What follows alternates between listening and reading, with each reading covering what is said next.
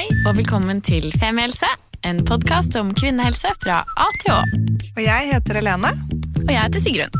Og vi har startet denne podkasten fordi vi mener at det bør snakkes mye mer om kvinnehelse. Så la oss snakke. Hei, Sigrun. Hei, Helene. Hvordan går det med deg? Du, det går uh, veldig fint. Det er uh, Ja. Takk som spør. Du er, på, du er på en av dine favorittdager i syklus, har jeg forstått? Hva du har delt på Instagram i dag? Ja.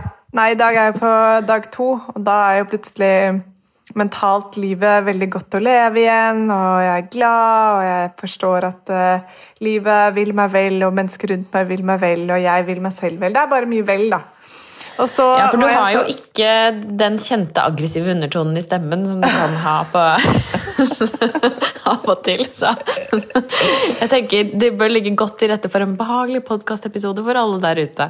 Ja, men så, Sigrun, så ble jeg jo så overivrig over å være så glad at jeg eh, stakk ut på en løpetur.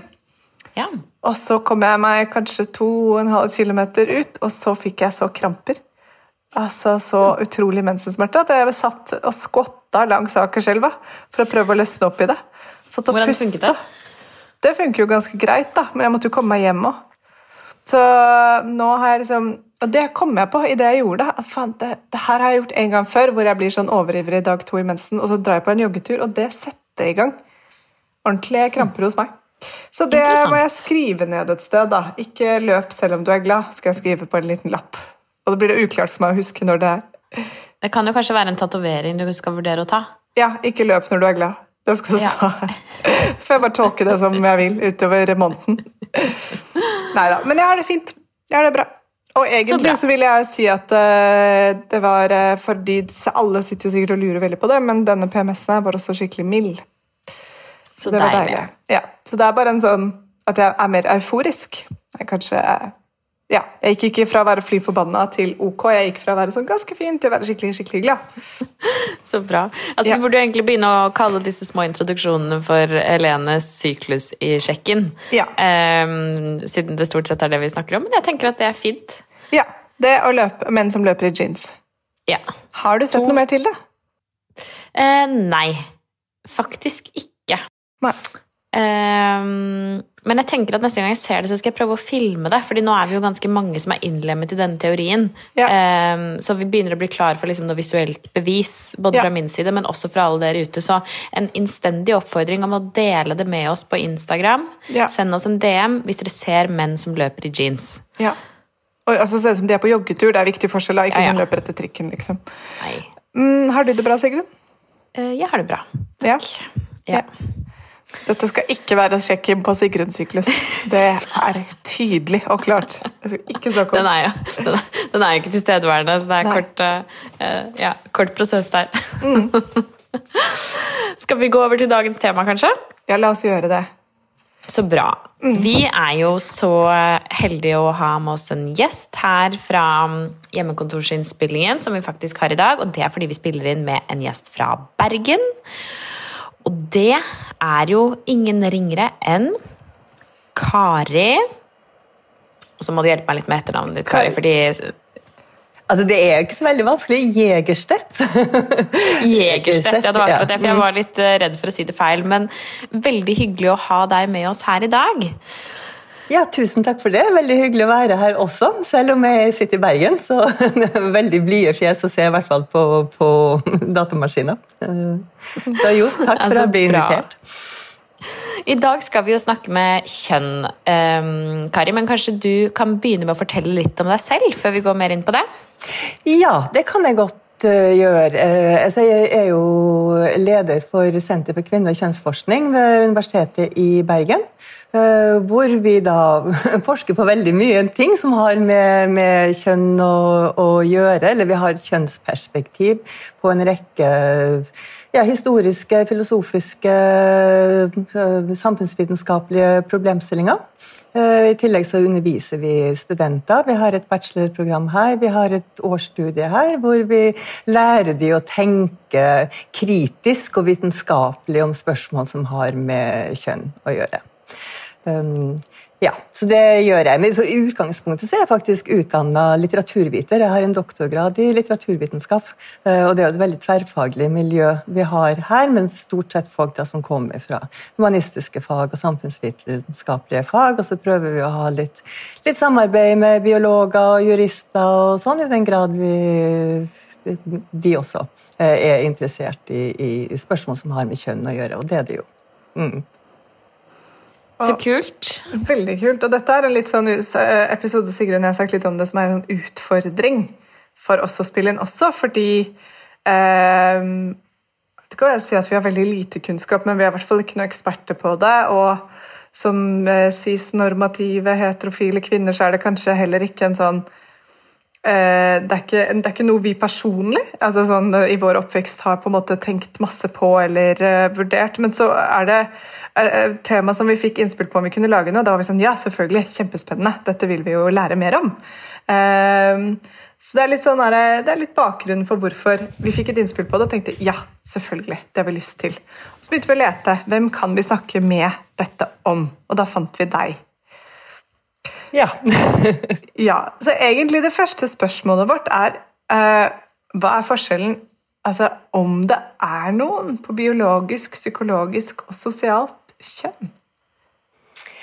Jeg tror jo kanskje at vi må begynne litt litt lengre tilbake. Et, et, mer grunnleggende spørsmål, nemlig altså, hva er mm. kjønn?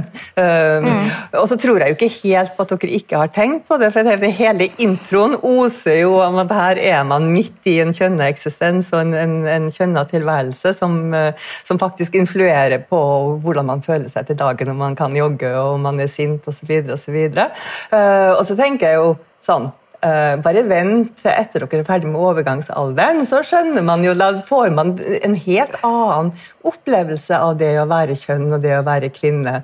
Uh, jeg tror først da jeg faktisk opplevde at, at gud, så mye hormoner har å bety for hvordan jeg føler meg som et menneske. Og gud, så godt det er å slippe alle de der uh, hormonene. altså Det er en litt annen, annet livsløp. Så jeg tror jo de fleste tenker over det på en eller annen måte, eller i hvert fall selv om du ikke tenker så bevisst på det, leve i en erfaringsverden hvor det styrer veldig mye av din, din hverdag, rett og slett på ulike måter. Men når vi stiller spørsmålet om hva er kjønn, altså det det vi regner som grunnlagsspørsmålet i, i, vår forskning og vår undervisning, og det er egentlig ikke et spørsmål som vi som vi skal svare på. Altså, så, sånne type grunnlagsspørsmål er jo spørsmål som skal holdes åpen, uh, og som vi skal stille om igjen og om igjen, og på veldig mange ulike måter. Uh, og Det er jo stort sett det vi gjør, så jeg kommer tilbake til, til, til spørsmålet ditt etterpå. Men jeg bare sier at i alle, alt det havet av ulike teorier om hva kjønn er, eller hvordan kjønn kan tenkes, så, så tenker jeg at, det, at vi har to utgangspunkt. Det, det, er greit å ha to utgangspunkt. og Det ene er at kjønn er en måte samfunnet reguleres på. Eh, jeg tror ikke vi kjenner til at Det er litt sånn debatable da, om det finnes eller har funnes noen samfunn som ikke i like stor grad er regulert i forhold til kjønn og kjønnskategorier eh, som vårt er, men stort sett så regner man med at på en eller annen måte så alle samfunn gjennom alle tider er organisert i forhold til kjønn. Eh, og på den andre andre grunnlagstanken her er jo at kjønn er rett og slett noe som angår oss veldig personlig, som angår vår identitet. Eh, og at vi blir, eh, vi blir kjønna da, på, på, ulike måter. Men så kommer jo da spørsmålet selvfølgelig, altså er det biologisk, er det psykologisk, er det sosialt, er det en sosialiseringsprosess? Og der kommer vi jo inn da med masse ulike, ulike teorier om, om, hva det kan, kan være. Men jeg, jeg, tror jo det er helt riktig å holde, uh, å holde åpent at de er forskjellige ting.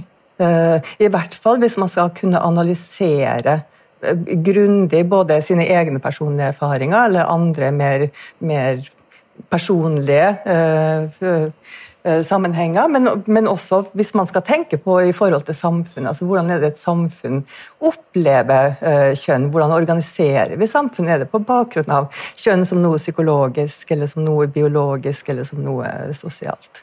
Så i utgangspunktet, ja, det er forskjell. Hvis du spør meg om akkurat hva forskjellen er, så er vi selvfølgelig inne på litt, litt mer kompliserte ting, men det kan vi jo ta etter hvert, tenker jeg. Ok, Jeg trekker tilbake det jeg sa. fordi eh, tenker jo, Vi tenker jo mye på kjente helt klart når du, når du formulerer på den måten. Jeg tror det jeg tenkte, mente, var vel at jeg ikke har hatt en problem altså Jeg har alltid bare identifisert meg som kvinne. Uh, og, og, med det, men, men, med det også uh, blitt identifisert eller blitt pålagt mange labeler og mange ting jeg ikke er interessert i. Uh, og det har blitt åpnet mange dører, men også stengt en del uh, pga. At jeg er født som kvinne. Um, og jeg hadde, en, jeg hadde en sånn refleksjon rundt det. Jeg satt på en utekafé som jeg gjør nå i mitt nye frilansliv, i Sola, og leste en bok. Eh, jeg skal selvfølgelig dele hvilken bok det var ved en senere anledning. veldig fin bok. Men da var det en mann som satt på noen bord bortenfor, og han var jo ganske full. Så han skal kanskje være bitte litt unnskyldt, men da så sier han til en kvinne som sitter på bordet ved siden av, så sier han til henne eh, Bjørnstjerne Bjørnson sa en gang og dette kan vi egentlig ikke kåte Bjørnstjerne Bjørnson på, eller legge skylden på han for, for jeg vet ikke om han har sagt det, men det er vanskelig å skille en kvinne og et barn. Og Så sier han det til henne, og så liksom legger han den ut her som en sånn La oss begynne å diskutere dette temaet. Og hun dama bare blankt avfeier. Han bare Thank you, but no thank you. Og da begynte jeg å tenke på at barn kan i noen tilfeller er liksom barn. Og så kan man si at det er veldig gutt eller veldig jentete eller veldig sånn typisk, men barn er liksom litt mer barn. Så på et eller annet tidspunkt så blir man eh, eller ja, så begynner man å snakke om gutter og jenter, og det gjør man jo også når de er små. da. Men jeg bare synes det var veldig interessant måten han sa det på. Han var jo en dusj, da, selvfølgelig. Det kan man jo kanskje høre. Men han var interessert i en eller annen kjønnsdebatt der som han ikke fikk gjennomslag for. Whatsoever. ja, det skjønner jeg jo egentlig godt med den inngangen til, til problematikken. Um, ja. Men, men altså, akkurat det spørsmålet kan man jo ta i veldig mange ulike retninger. Altså, barn er jo veldig opptatt av kjønn. Uh, fordi at mm. de skal jo lære seg uh, de her uh, kjønna, kjønna, normene. Og spesielt i sånn tre-fireårsalderen så er de veldig opptatt av å finne ut ok, hvem er jeg, hvor hører jeg hjemme, hva skal jeg bli, osv. Og, Og så er de veldig åpne, tror jeg, på ulike måter å forholde seg til ting på før, før vi bestemmer vi bestemmer for dem hva de skal bli.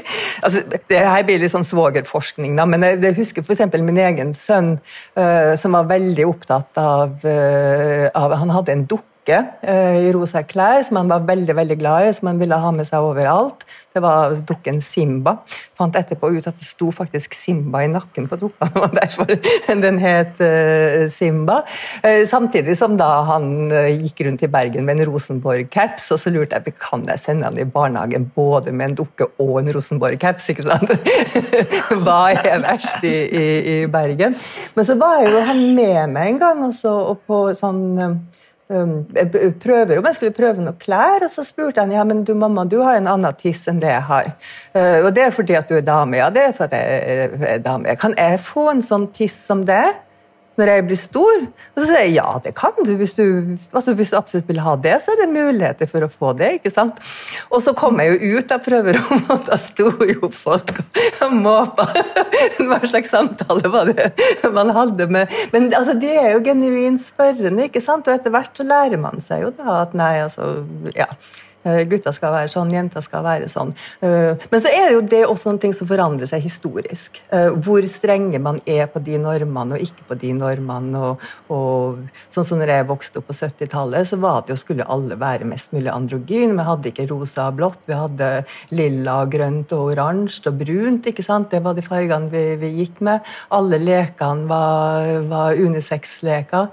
Men samfunnet ellers var veldig kjønnsdelt. Og så kommer man i dag hvor man er mye mer på mange måter mer likestilt, mer frigjort. Og så har man alle de rosa og lyseblå og egne avdelinger i, i barnebutikkene om hva slags leker man skal ha. Så det er veldig interessant det der hvordan, hvordan de her normene både forsterkes og løses opp på, på, ulike måter. Men det er helt klart, altså noen normer finnes det, så spørs det jo da trenger vi et samfunn å ha noen normer for i hele tatt vite hvordan vi skal forholde oss til hverandre, hvordan vi skal organisere samfunnet. Det å ha en identitet, vite hvem du er, på en måte, noe å forholde deg til. Noen normer som ikke bare noen ting du kan leve opp til, men også noen normer som du kan bryte. da, ikke sant? Uh, ja. ja, for er det noen positive sider ved det at vi har flere kjønn? Ja, det vil jeg jo tro. Uh, altså det er jo også en, altså, altså, I feministisk tenkning, og det er jo stort sett det jeg forsker på, er jo altså, feministisk filosofi, feminismens historie, uh, ulike feministiske teorier. Og et stort spørsmål som har vært innenfor feminismen ganske lenge, er jo altså Skal vi da slåss for eh, likestilling, inkludering, flere kjønnskategorier? Eller skal vi slåss for et samfunn hvor kjønn ikke lenger betyr noen ting? Eh, ofte så vil det jo være en sånn mellomting. Jo da, vi kan ha masse ulike kjønnsuttrykk, men det er ikke det som til syvende og sist eh, skal bestemme hva vi kan gjøre, hvem, eh, hvem vi kan elske osv. Men det ligger jo i altså tenkninga om ulike kjønn uh, også et veldig sånn erotisk potensial. ikke sant? Uh, og vi er jo også veldig seksuelle vesen, og vi vil gjerne innynde oss. Vi vil være, gjerne finne en eller flere partnere. Og, og akkurat det her kjønnsspillet gir jo oss noen ting å, å, å spille på også. Så det, det betyr jo veldig mye mer enn akkurat bare hva slags yrke du kan ha, og, og hva slags muligheter du, du får. Altså det, hvis du går til litteraturen og til kunsten og ser hvor mye eh, spillet på kjønn og, og, erotikk betyr i vår estetiske erfaring av verden, f.eks., så er det jo klart altså det, det, er veldig mye spennende å, å, å hente, hente, der. Spennende og selvfølgelig også problematisk. Ja, for hvorfor er, hvorfor er det problematisk, eller hvorfor er debatten Eh, rundt kjønn eh, så betent? Ja, Det er et veldig godt spørsmål, som jeg ofte har stilt meg eh, selv.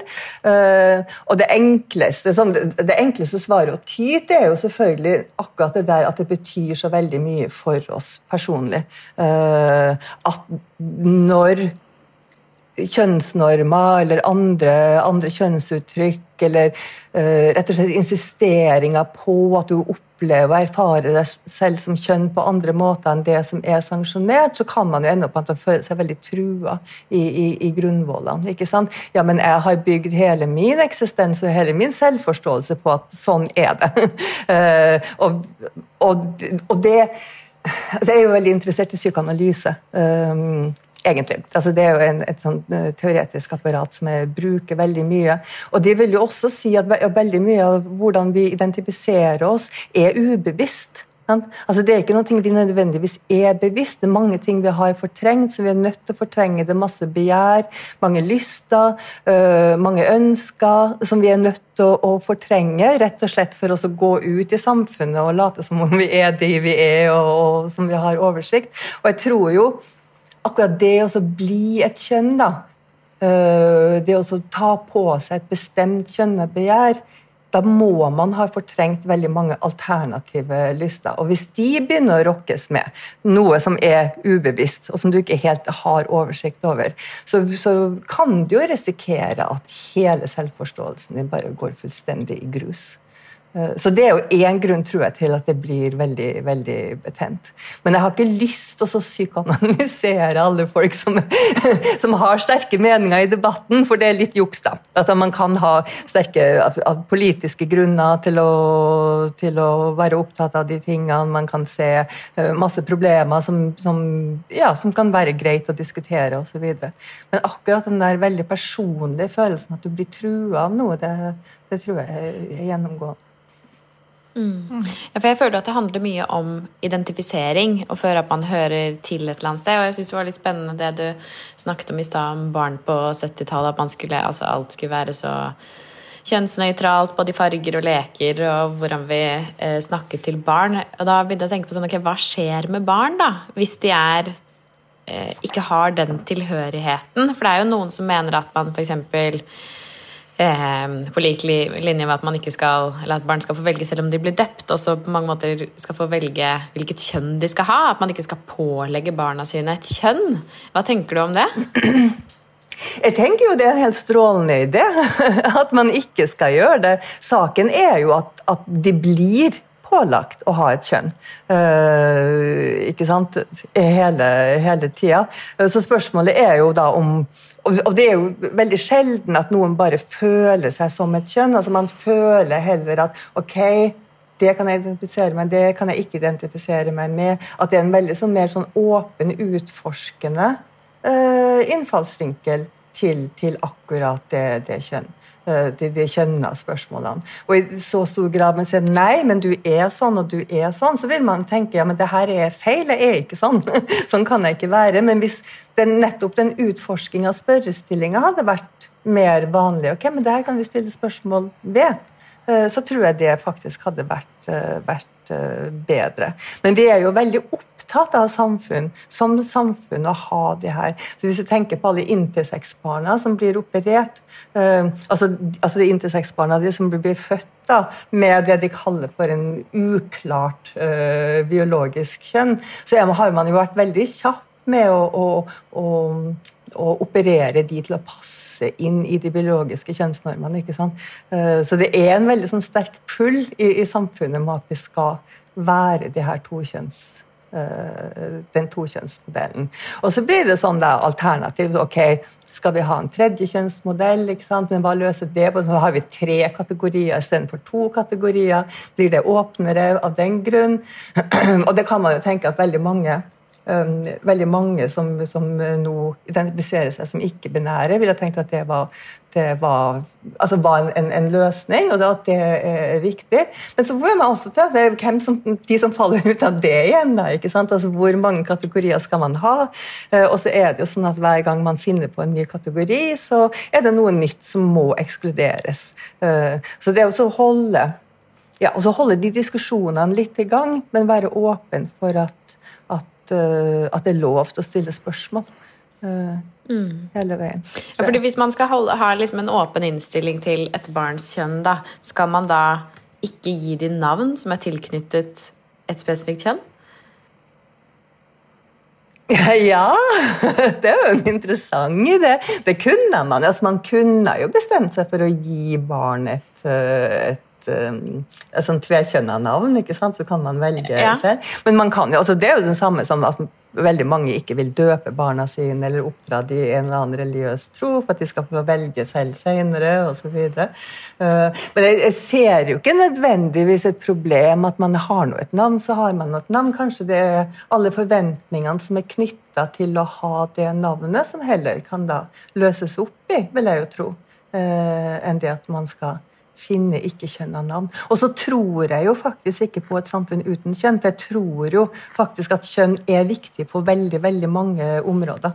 Eh, jeg er jo også en av de som, som, er, som er, veldig interessert i, i, de biologiske definisjonene av kjønn. For det glemmer vi veldig ofte, eh, i hvert fall i sånne kritiske diskusjoner. så er det hatt, det er hatt Eh, ph.d.-kurs her hvor alle sammen skal tenke ok, men hvordan forstår dere kjønn, og hvor ingen har nevnt at kjønn har med biologi å gjøre. Så sier jeg ja, men hva med biologisk kjønn? Nei, nei, nei, det, det, er, bare, det er, bare, ideologi. Men det er jo helt klart, altså, altså som en art så er jo mennesker avhengig av seksuell reproduksjon.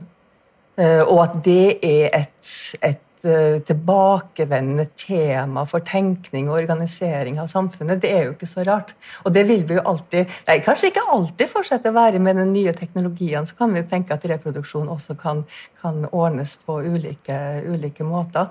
Men sånn som det er nå, så vil jo kjønn på en eller annen måte være, være viktig for oss også som artsvesen og også som biologiske vesen. Men så er det viktig å tenke på at som biologiske vesen så er vi også uendelig mer komplisert enn at vi bare reproduserer oss seksuelt med, men med, en, med en, partner. Altså, veldig, altså vi, jo, altså vi består av så mye komplekst biologisk materiale at det er bare en bitte liten del av det. Så det er ikke svaret, men det er helt opplagt en veldig viktig del av, av hvorfor vi har forestillinger om kjønn, og hvorfor de har vært så gjennomgående uh, historisk.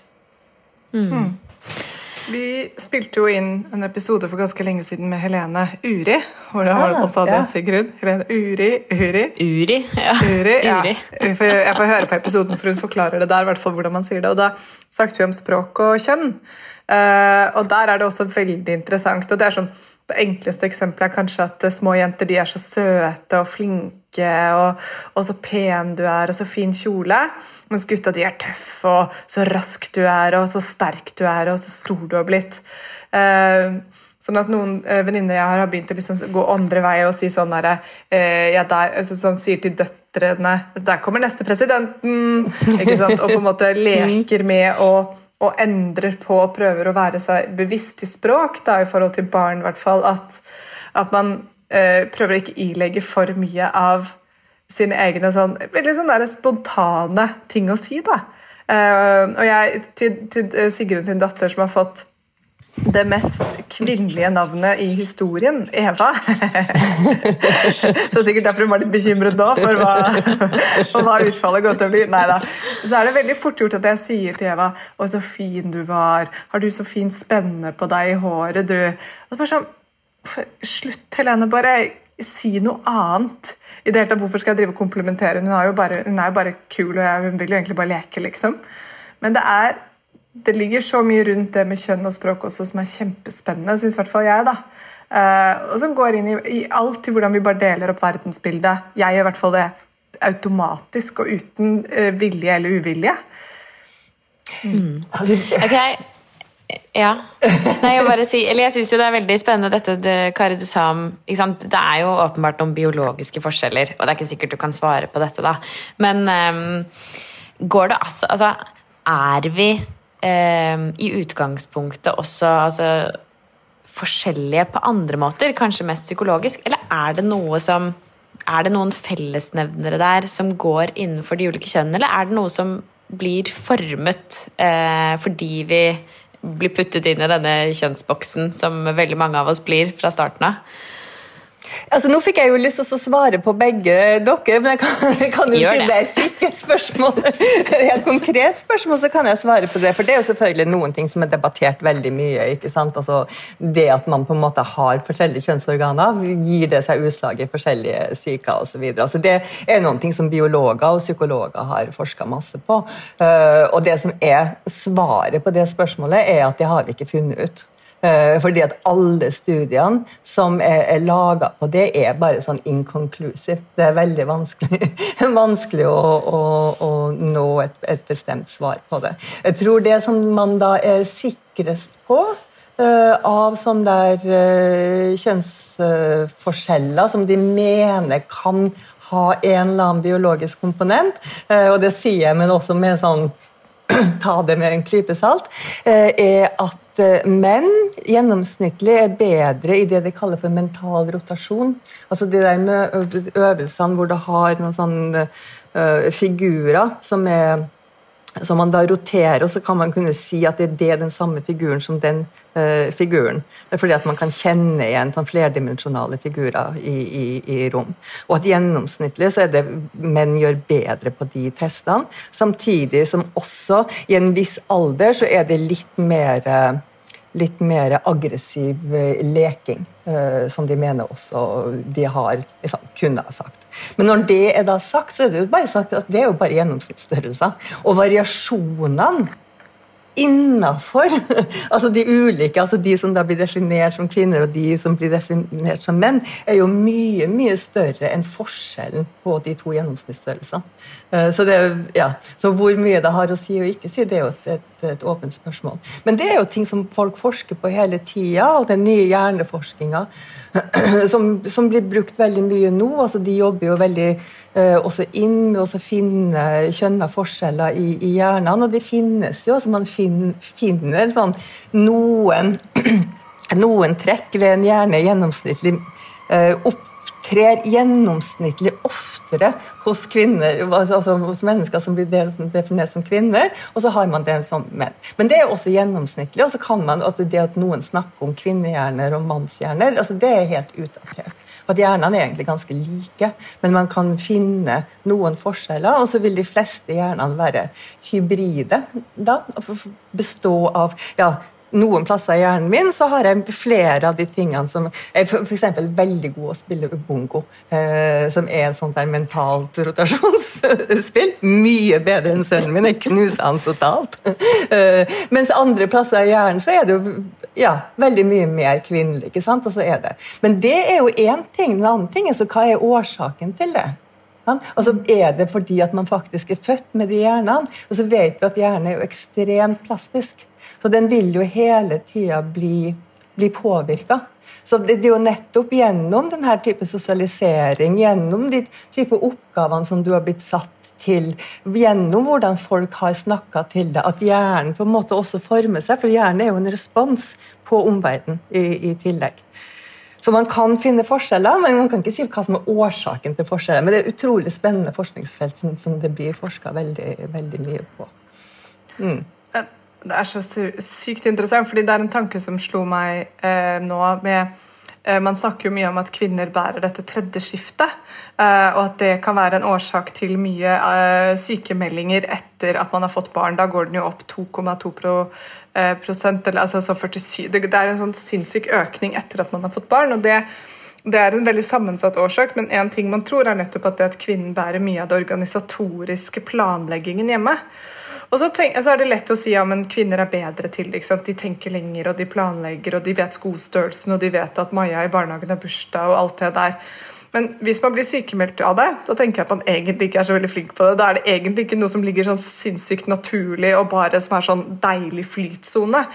Tvert imot så er det jo eh, noe som ikke er flytsone, og som man egentlig ikke er eh, skapt til å gjøre i, fordi vi lever i et samfunn som på en måte ikke tar hensyn til kjønn, eller egentlig liksom eh, helse og kropp på den måten som hadde vært behagelig for alle kjønn å leve etter. Som f.eks. syklus, eller at man har født et barn eller tre, eller at man trenger en partner til å hjelpe seg å organisere, eller hva det skulle være. Så ja, nei, det er, det er mye som kanskje er man, som kanskje kan være at noen kjønn virker bedre på, men som man kanskje ikke er allikevel. Det er jo en slags myte da, eller forståelse at kvinner er veldig gode til å multitaske. Sønnen min brukte alltid å si at du er ikke ordentlig dame, for du er så utrolig dårlig på multitasking. Men så hadde de jo da en sånn stor også sånn der uh, hjerneforskningsforsøk på kvinner og multitasking. Og det de fant ut, var jo at kvinner ble jo veldig mye mer stressa av multitasking enn det menn ble.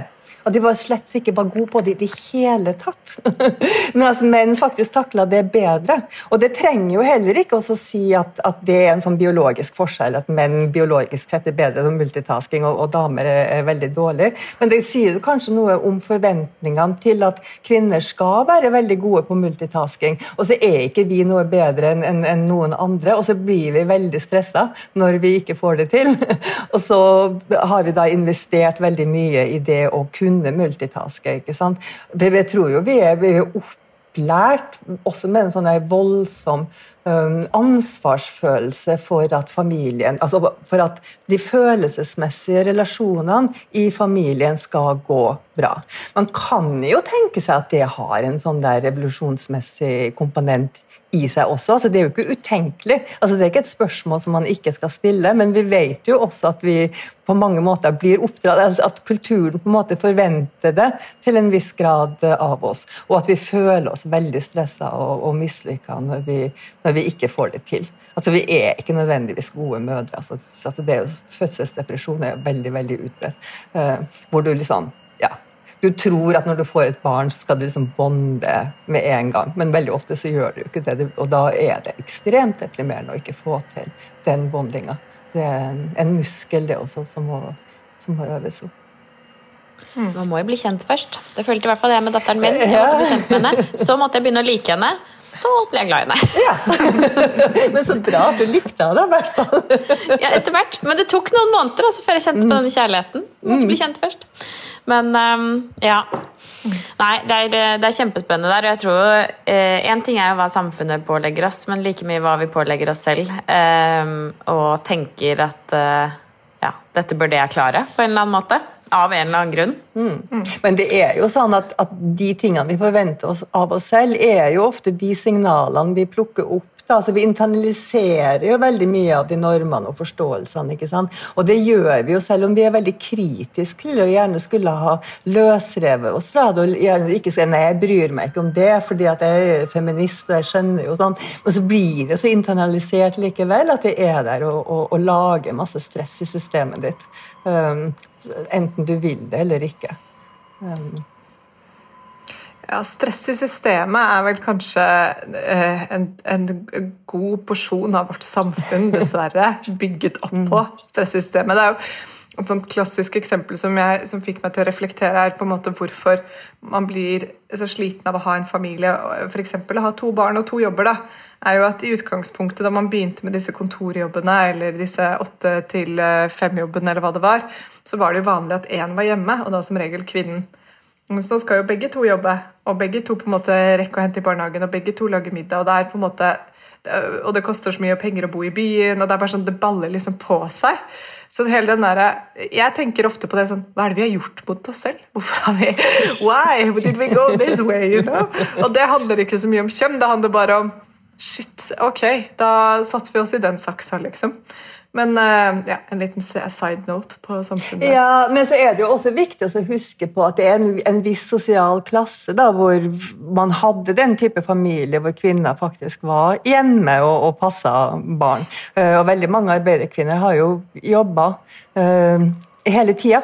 Så det er jo mm. det at, at, det er ikke bare sånn at ja, den ene parten jobber, den andre bare hjemme. Men hadde de det supert?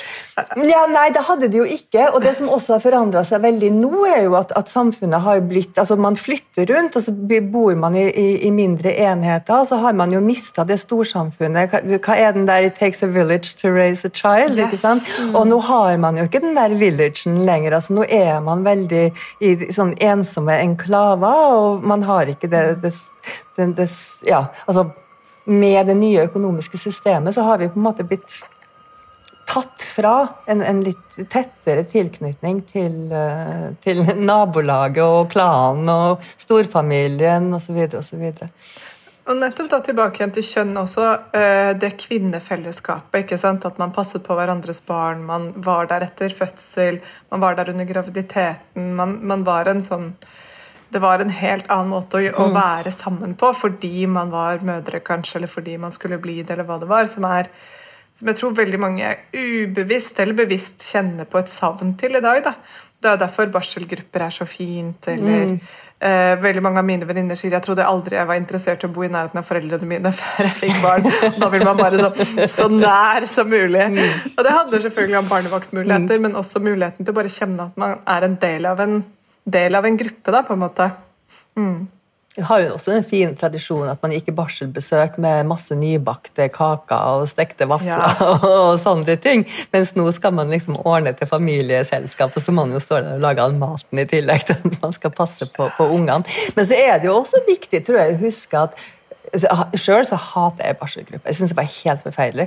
Eh, men det har jo også med at jeg fikk barn relativt seint i, i, livet. Eh, så jeg følte meg var veldig mye eldre enn de andre som var der. Jeg følte at alle sammen bare snakka om liksom, hvor de hadde kjøpt de ulike babytingene og ditt og bla, og er det bedre med ullundertøy eller ikke ullundertøy. Jeg tenkte det her det orker jeg ikke å forholde meg til. Og du føler veldig, veldig utenfor.